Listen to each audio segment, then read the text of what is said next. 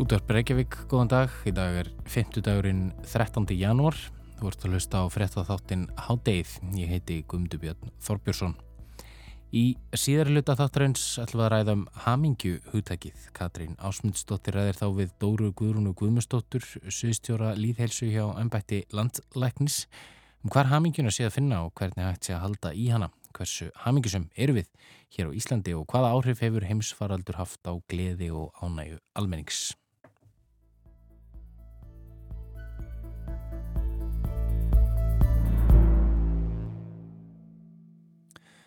En við byrjum í heimi tækninar. Á síðustu árum hefur það fæst í aukana að fólk uh, sem hefur tökað því sinni vinnu sinni heimann frá, nú út, út á kaffehúsi eða bara hvar sem er. Vopnuð fartölfu og fjárfundar búnaði eru svo kvöldum stafrænum flökkurum eða stafrænum hyrðingum sem er tilurinn mín til þýðingar á fyrirbærinu Digital Nomads. Allir vegir færir. Hún er komin til okkar, hún Kristjana Björk Bardal, tækni sérfræðingur hátegisins, en hún er eitthvað þáttastjórnandi útjærlaðvarps Skí. Velkomin Kristjana. Takk fyrir það. Digital Nomads eða stafrænir flakkarar eða hyrðingar eða hvernig svo sem við hefum að þýða þetta hugtak. Hvað er þetta eiginlega? Já, þetta er fólk sem getur unnið vinnunum sína hvar sem er og kýs að ferðast eða vera annar staðar heldur en heima á sér mm -hmm. þegar þau vinna og þetta er fólk sem getur þá unnið bara með tölvu, nettengingu og ramagn og þarf ekkert mikið meira en það. Og jafnvel hefur þá færi á því að vera á hvað hérna, tímabeltið sem er. Mm -hmm. en þá náttúrulega hefur líka áhrif á, á starf svona flestra að reyna að vera að söpu um tímabelti og samstarfsfólk. En þetta er þessi svona digital nomads sækja svolítið í það að fara til útlanda og ferðast mm -hmm. og vera ekkert endla að vinna á einum stað eða mæta í vinnuna. Einmitt, uh, þú segir að fólk geti já, gert hvað sem er, eða þess að þetta er fólk geti synt vinnun sinni uh, frá já, nokkur neginn sama, sama hvaða stað sem er, eins lengi að hafi nettekingu. Hvaða störfur við þá eiginlega að tala um hérna? Já, náttúrulega Um, þetta var erfitt fyrir mig, þetta er ekki mjög sem dæmi bara út á smann, það var erfitt, erfitt fyrir mig að fara til Búinus Æris á morgun og, og, og senda út hátæðið Hva, hvað eru að tala um hérna? Við erum aðalega að tala um fólk í svona forriðrastöðum um, svona tölvunafræði tengt uh, svo náttúrulega áhrifavaldar þeir geta unnið eiginlega hvað sem er, svo lengi sem að þau auglýsa vörurnar mm -hmm. sem að þau eru að auglýsa mm -hmm. svo eru líka margir hérna, áhrifavaldar sem að ferðast bara og eru að kenna ja. alls konar svo erum við líka með fólk sem gerir markasefni sem kannski skiptir ekki höfumáli hvernar uh, það vinnur bara postar á réttum tímum uh, ráðgjafar, eða þú veist að vinna sem ráðgjafi fyrir eitthvað fyrirtæki eða eitthvað svona það sem að þú ert kannski ekki endilega á föstum fundum, heldur bara svona bókarði eins og þér hendar á þínu tímabelti. Og svo jafnvel getur þetta verið stöðinsfulltrúar í einhverjum símaverum það sem að kannski vera að svara allan svona hringirinn og þú bara loggar þið inn þegar að skráar þið inn þegar þér hendar mm -hmm. og svo fylgta frumkvörum líka sem að eru þá bara að flytja út um allt og eru þá jafnvel bara að taka fundi í þeim löndum sem þau eru og sem er kannski ferðast á fyrir vinnuna mm -hmm. en svona digital nomads er fólk sem þarf ekki að vera á einum stað og kýsa ferðast og mætir í vinnuna í gegnum tölvuna en ekki kannski á eitt stað Einmitt. En þetta getur náttúrulega kannski alveg verið svolítið, svolítið svona óhefilegt eða óþægilegt fyrir viðkomandi ef að, ef að segjast þið til dæmis eins og þú nefndir á þann tímabeltin ef að mm -hmm. þau mhm. eru á miklum Eh, já, við til dæmis myndi flytja til Ástralíu og ætlaði að vinna það þá þurfti ég vantalega bara að vera að vinna á nóttunni Já, ef þú ert í þannig starfi að þú þarfst að vera, að vera til staðar á sama tíma á samstagsfólk þitt. Já, ég þurfti sérst að fara á fundi eða eitthvað svolítið, já. En ef þú ert síðan bara með ákveðin verkefni sem að þú vinnur mm -hmm. og líka eins og mikið þessum tæknifyrirtækjum eru bara með samskipti í gegnum forrið á borðu við Slack eða Discord sem eru svona samskipta fyrirtæki, eh, samskipta lausnir, þess að fólk er bara að tala saman gegnum netið. Mm -hmm og þá bara eru samskiptin þar og eru bara þegar fólk kemst í að svara. Þannig að það er bara mjög mismandi hvað hendar en þetta er aðalega þá störf það sem að þú getur verið að vinna bara á þínum tíma. Mm -hmm. og líka þá verið að stjórna rosalega mikið ferðinni. Kannski er fólk þá að fara og vinna í törnum til dæmis og er þá að minka álægið ef það er á einhverjum skemmtilegum stað og svo framvís Já, já. Er þetta hefur vendarlega aukist svolítið í, í kórnuverufaraldunum. Við náttúrulega sko, sáum það þegar, þegar hann byrjaði og, og fólk þurfti að færa í sótkví og samkomu takmarkanir hófust og allt þetta þá, þá kannski kom það mörgum á óvart hversu margir gáttu synd vinnu sinni heima frá og án til dæla mikillar fyrirhannar. Eh, það þurfti einfallega tölvu og fjárfundabúna og þess aftar. Eh, heldur að heldur þetta svona heldur að fólk sé líklæra í dag eftir korun eða í, við erum náttúrulega ennþá í miðin korun verið farandun til þess að velja þetta hlutskýtti einfallega? Já. Hætt að mæti vinnuna? Það er bara mjög mikil aukning á þessu eins og er og fólk er svona að sjá það að það getur unni heima og margir hverjir að því þau voru að vinna mikið heima finnst það þægilegra og henda betur þeirra starfi en svo líka bara svona er það að líka vinnuveitundir eru kannski farin að treysta fólki meira að það voru margir svona fyrstum sinn sem að treystu því ekki að starfsfólk myndi vinna heima. En fólki er að gera það þannig að kannski eru fyrirtæki þá líkleri til þess að breyta fyrirkomulegin sínu. Að því að mörg fyrirtæki af teknifyrirtæki í dag núna svona eftir þessar breytingar sem hafa orða á vinnumarkaði út á COVID mm -hmm. og við erum náttúrulega ekki komin út úr þessu eins og við segjum það hafa verið mikla breytingar. Og þá eru mörg fyrirtæki farin að vera með þá stefnu að vera remote first eða fjárvinu fyrst. Já eða sem sagt þannig að þau miða þetta að fjárfinu. Þannig að allt sem að fyrirtæki gerir og skipilegur og allir fundir er aðgengilegir hvar sem þú ert. Einmitt. Þannig að allt sem þau gera, bara hvernig vinnustofur, fundir og vinnufyrirkomulag er, að þá er ekkert mál að vera í fjárfinu. Og það er rosalega mikið svona breyting að hafa alltaf á baku eirað í öllu sem að er þá skipilegt og gert í kringum starfseminna að fólk geti verið í fjárfinu. Einmitt. Uh, nú, nú uh, breytti innar á þeirra lögunum á síðast ári eh, varðandi atvinnuleifi fyrir ég allavega bandarækjumennum við minni rétt mm -hmm. þar sem eitthvað komið hérna á svo kallu working visa eh, og unnið þá á Íslandi í lengri tíma heldur en, heldur en þeir hafa eh, heldur en hefur verið leifilegt hinga til Akkurat. heldur að margir hafa nýtt sér þetta Já, maður alveg séð það og sérstaklega í svona frumkvöla bransanum og ráðgjafa bransanum líka þá hef ég alveg séð hérna sérfræðinga verið að flytja hérna til landsins og þau eru að sækjast í sveita sæluna ég veit um eitt sem flutti í kvalfjörðin og hefur það bara ótrúlega gott og er þá bara að taka fjárfundi og, og lifir bara þar í náttúrunni. Mm -hmm. og svo er líka, já, við erum svona Ísland viljum fá fleira fólk og það verður áhugavert hvernig þetta þróast hvort að borgirnar séu öðruvísi að því að einhvern veginn núna ef maður pælir í sem stórborgum að þá velum maður sér stað eftir í hvar lestin er og svo framvist þannig að maður getur farið rátt og öruglega í vinnuna en það er spurning hvort að fólk sé þá að vinna meira heima og flist á frekar nálagt stöðum sem eru rólegir, garðar og svo framvis já, já. þannig að getur verið einhver þróun í þessu alveg eins og hérna heima að þá kannski er alveg eftirspurn eftir fallum húsum út á landi fyrir þessa digital nomad sem koma að hinga tíma bundið. Mm -hmm. En nú getur einhverjir harðduglegir hlustendur uh, sem er að hlusta á okkur verið að, að fussa og sveia yfir þessu og, og sagt eh, er þetta fólk eitthvað að vinna? Er það að gera eitthvað? Mm -hmm. er, er, er, er eitthvað sem segir okkur það svona, já, já þú vinnir betur eða, eða vinnir yfir höfu þegar þú ert bara einhvers þar í, í sólinni með fartöluna þeina? Já, akkurat. Þetta er bara mjög einstaklingsbundið en eins og hefur komið og sínt sér í faraldrinum að þá er fólk ofta að vinna jáfnvel meira heima því það nærlokksins að innbytta sér. Það er ekki að vera fyrir eins miklu áreiti í vinnunni, sérst ekki að allir alltaf að koma á skrifborniðinu mm -hmm. og spyrja þig og svo framvis og en líka margir sem er að vinna svona sem digital nomads og svona er í þeim lífstíl er líka kannski oft verktakar og þurfa þá bara að vinna til að Já, geta fengið launi sín. Mm -hmm. og það er líka á, ákveðin þróun í samfélaginu núna að vera maður að þróast út í meira svona gig menningu mm -hmm. frá því að vera í ákveðinu starfið þar sem þú fer alltaf nýju og nýju verkefni en í staðin ertu þá bara að ráða þig í hvert og eitt verkefni. Þannig að það er svona gig. Þannig að við erum svolítið að þróast meira út í það að við erum að sinna ákveðnum verkefnum og ekki endilega þá að treysta á að við fáum nýverkefni og yfirmæðurinn vita við vinnum, heldur vita við sjálfa að við þurfum að vinna til þess að hafa til þess að fá virkilega laun fyrir þessu verkefni sko.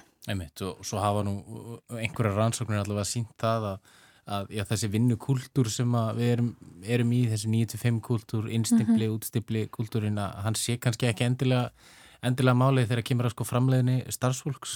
Nei og kannski lætið er bara líða betur að fá mikið að sól og fá mikið að menningu og þú ert þá bara afkasta meiri á þeim tíma sem þú ert að vinna. Þetta er áhugavert uh, og sjáum til hvort að já, við komumst hvort að vera hægt að flytja útvarpið til, til Argentínu. sjáum hvort það gerist en kæra þakkir uh, fyrir komuna í háttegið Kristjana Björg Bardal, háttegið snýraftur strax að loknum háttegisfréttum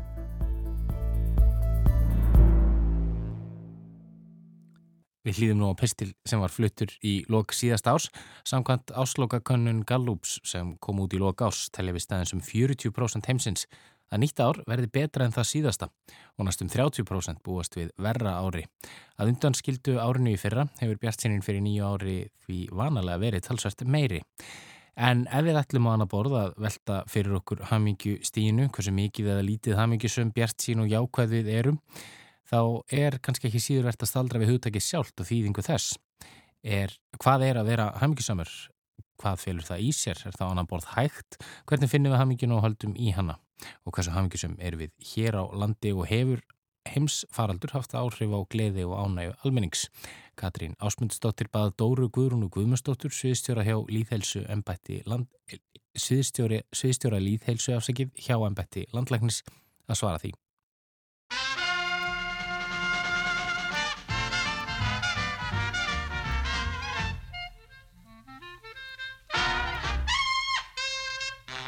Nú kemur ímislegt áhugavert fram í árslokakönnun Gallup International.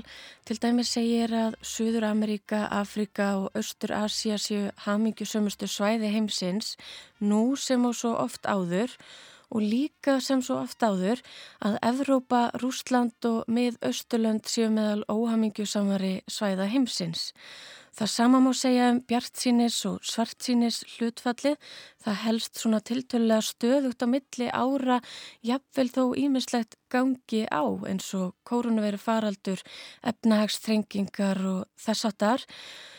Og þar eru aftur Evrópa, Rúsland og mið-Östurlönd heldur almennt svartsítni en önnu ríki og ríki Asíu almennt bjartsítni. Þá er tekið fram að þróunaríki séu almennt vonbetri og bjartsítni. Hvað segja þessar niðurstöður okkur um haminguna, segja þar okkur á annar borð eitthvað yfir leitt?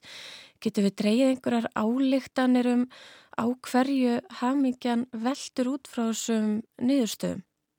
Sko, það er raunin mjög áhugavert að skoða svona hamingju millir landa af því að það er svolítið annað heldur líka að skoða hamingju innan hvers land fyrir sig og sérstaklega stór, stór landsveð þá er getur verið svolítið munur þarna á en það er rauninni meiri munur eftir því sem þú ferð meðar og það er meiri munur innan landa heldur en millilanda, yfirlegt sko á svipum svæðum.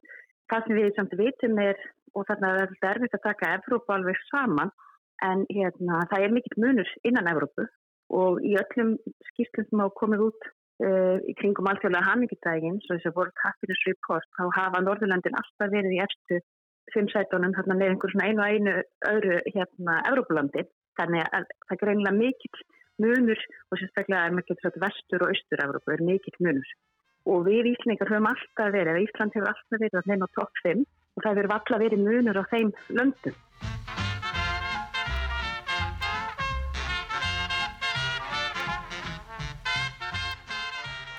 Hvaða þættir hafa mest áhrif á hamingu og hvar er Ísland? Eru við hamingjusum?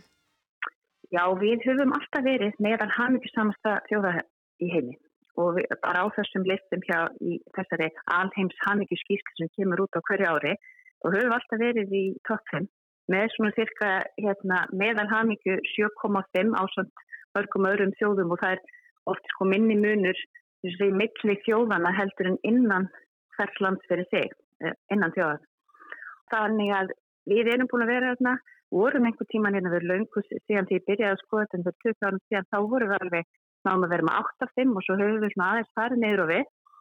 Og við erum búin að vera lengi í 7,5 og í okkar mælingum hjá ennbættinu, í hamingjumælingum sem að Gallup gerir fyrir okkur mánæðilega, við erum búin að sapna fyrir 2021 og við erum að sjá að það er lækkun þar með ára, við erum lærið 2021 til 2020, þetta er í 7,4 það er kannski ekki stórt, en við erum líka að skoða hlutfall þeirra sem skora eftir, sem eru mjög hamingisamir.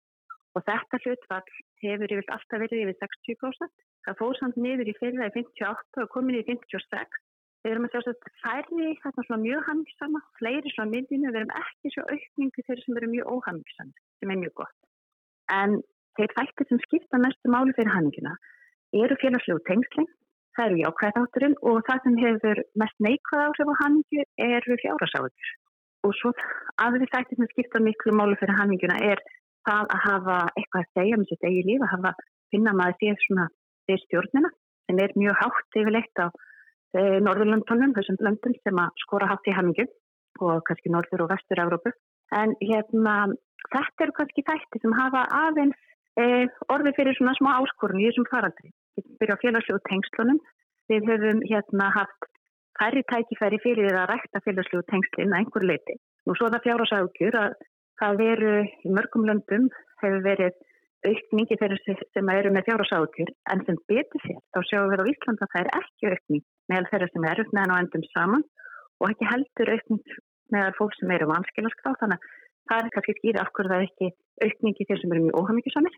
Þannig að við erum að horfast í augu við áskorunir tengt þessum faraldri sem á áskóliðum okkar mm. og einmitt með bjart sínina við spyrjum líka um hana og við sjáum það alveg að þetta sveiplast eftir e, því hvað er að gerast í faraldrinum og, og við höfum alveg séð og það var ekki sérstaklega þegar að þetta svona áfall kom þegar að nýjustu bylgjurna fór að koma kannski þarna svona í haust núna þegar að önnur bólusetning var ekki virka eins og við vonumst eftir þá dataðins bjart síni niður og aðeins vonleitið kom.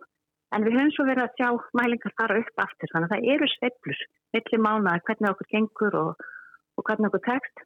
Og eins líka í einmannaleikanum að vitum að það að upplifa þessi einmanna, það hefur neikvæð áhrif.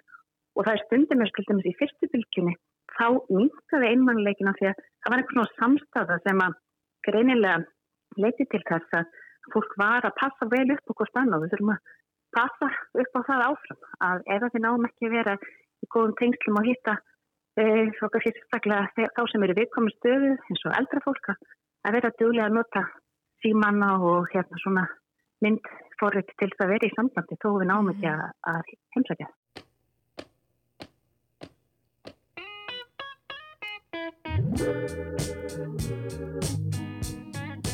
Love and happiness hafði COVID-faraldurinn og afleðingar COVID-faraldur sem svo hugsanlega auknar fjárhásáðgjur hafði þetta meiri eða minni áhrif á hamingju almennings í landinu en þú hefði kannski haldið? Segir þetta okkur eitthvað um hversu mikil áhrif utanakomandi aðstæður og atbyrðir hafa áhrif á hamingju þjóðar?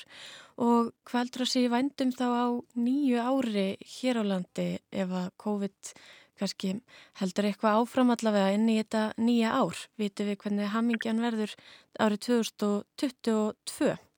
Já, þetta eru margar spurningar og stórtir spurt að það var hérna kannski erfitt að fulla eitthvað en maður veldur svona fyrir þessu. Við gerðum svo kalla líðhilsum mat vorum að meta svona ópin áhrif COVID á ymsafætti og vorum að skoða hvað hefði COVID haft áhrif á og hamingjan var eitt af því fáið sem að gáttum sagt að þetta verið svona sterkar vísbendingur um að COVID hefði haft þessi faraldur hefði haft neikvæð áhrif á hamingju fullorðina og við, við sáum hins vegar ekki aukningu í hérna, fjárhásverfileikum á Íslandi. Þannig að það er eitthvað annað þar. Það er, og, og það hérna, er líka takt við það við vorum þarna sérfæðingahópur að vinna þetta og, og það fórum við það er eftir um ekki aukning og vanskilarskrá þannig að jafnvel þó fólk hafi mist vinnuna einhver leiti og, og það hefur verið áskoranir og sjálfsögðu einhverjir sem hafa verið fjárhásverðingu þá er það ekki fleiri á Íslandi í árhaldum árið og undan og þessi tvö ára undan. Þannig að það er einhvern svona verðandi þáttur að við erum ekki þá alltaf verði og, og einmannaleikin hann hefur svona aðeins að rokkað og stundum er hann meiri og stundum er hann minni þannig að ég held að tímit fyrir að vera meðvitið um þess að þætti og gera það sem við getum og bara þetta æðuruleysi að hugsa bara hverju hef ég stjórn og hverju hef ég ekki stjórn og hvað getur við gert til þess að rækta félagslegu tengslinn og einhver leiti getur líka verið það að, að þær eru fjárhastæruleikum að það líka þær er tækifæri til þess að eigða peningunum. Það er kannski ekki endilega alltaf það sem við viljum þetta eru gott að vera hægstitt en við þurfum, við höfum þær er tækifæri til þess að, upplifa líka ímslega sem kostar fjárma og hérna eitthvað sem gefur okkur gleði og, og uh, góða samveru. Þannig að ég held að við þurfum bara að vera mjög meðvitið um það að við höfum verið að takast á við við miklu áskorun sem að þessi farandur hefur, hefur verið.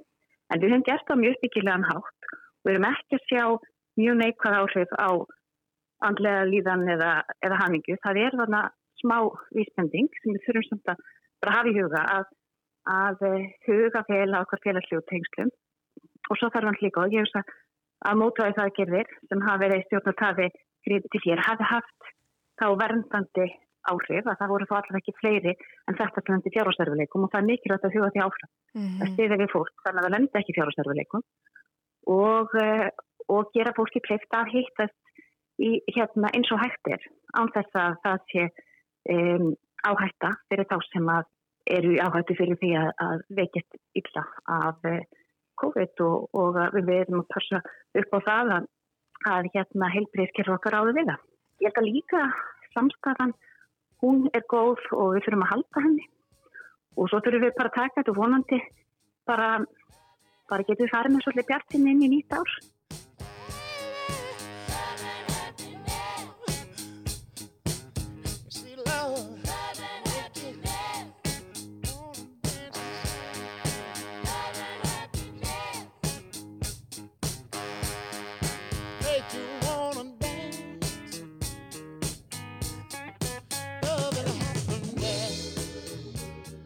Vonandi getur bara farið með aukna bjartsinnin í nýtt ár og huga þeim þáttum sem við höfum stjórn á og eh, meðvitaðum það hvað við getum gert til þess að hlúa vel okkur félagslu tengslum og bara auki við þar upplifanir sem við vitum að gefur okkur gleð og ánægð og það er líka hamingjarnir ferðala, þetta er ekki einhver áfangastafur og það skiptir miklu mála að vera þakklóti fyrir það sem maður hefur þannig að þeir vera að horfa á það sem við höfum ekki.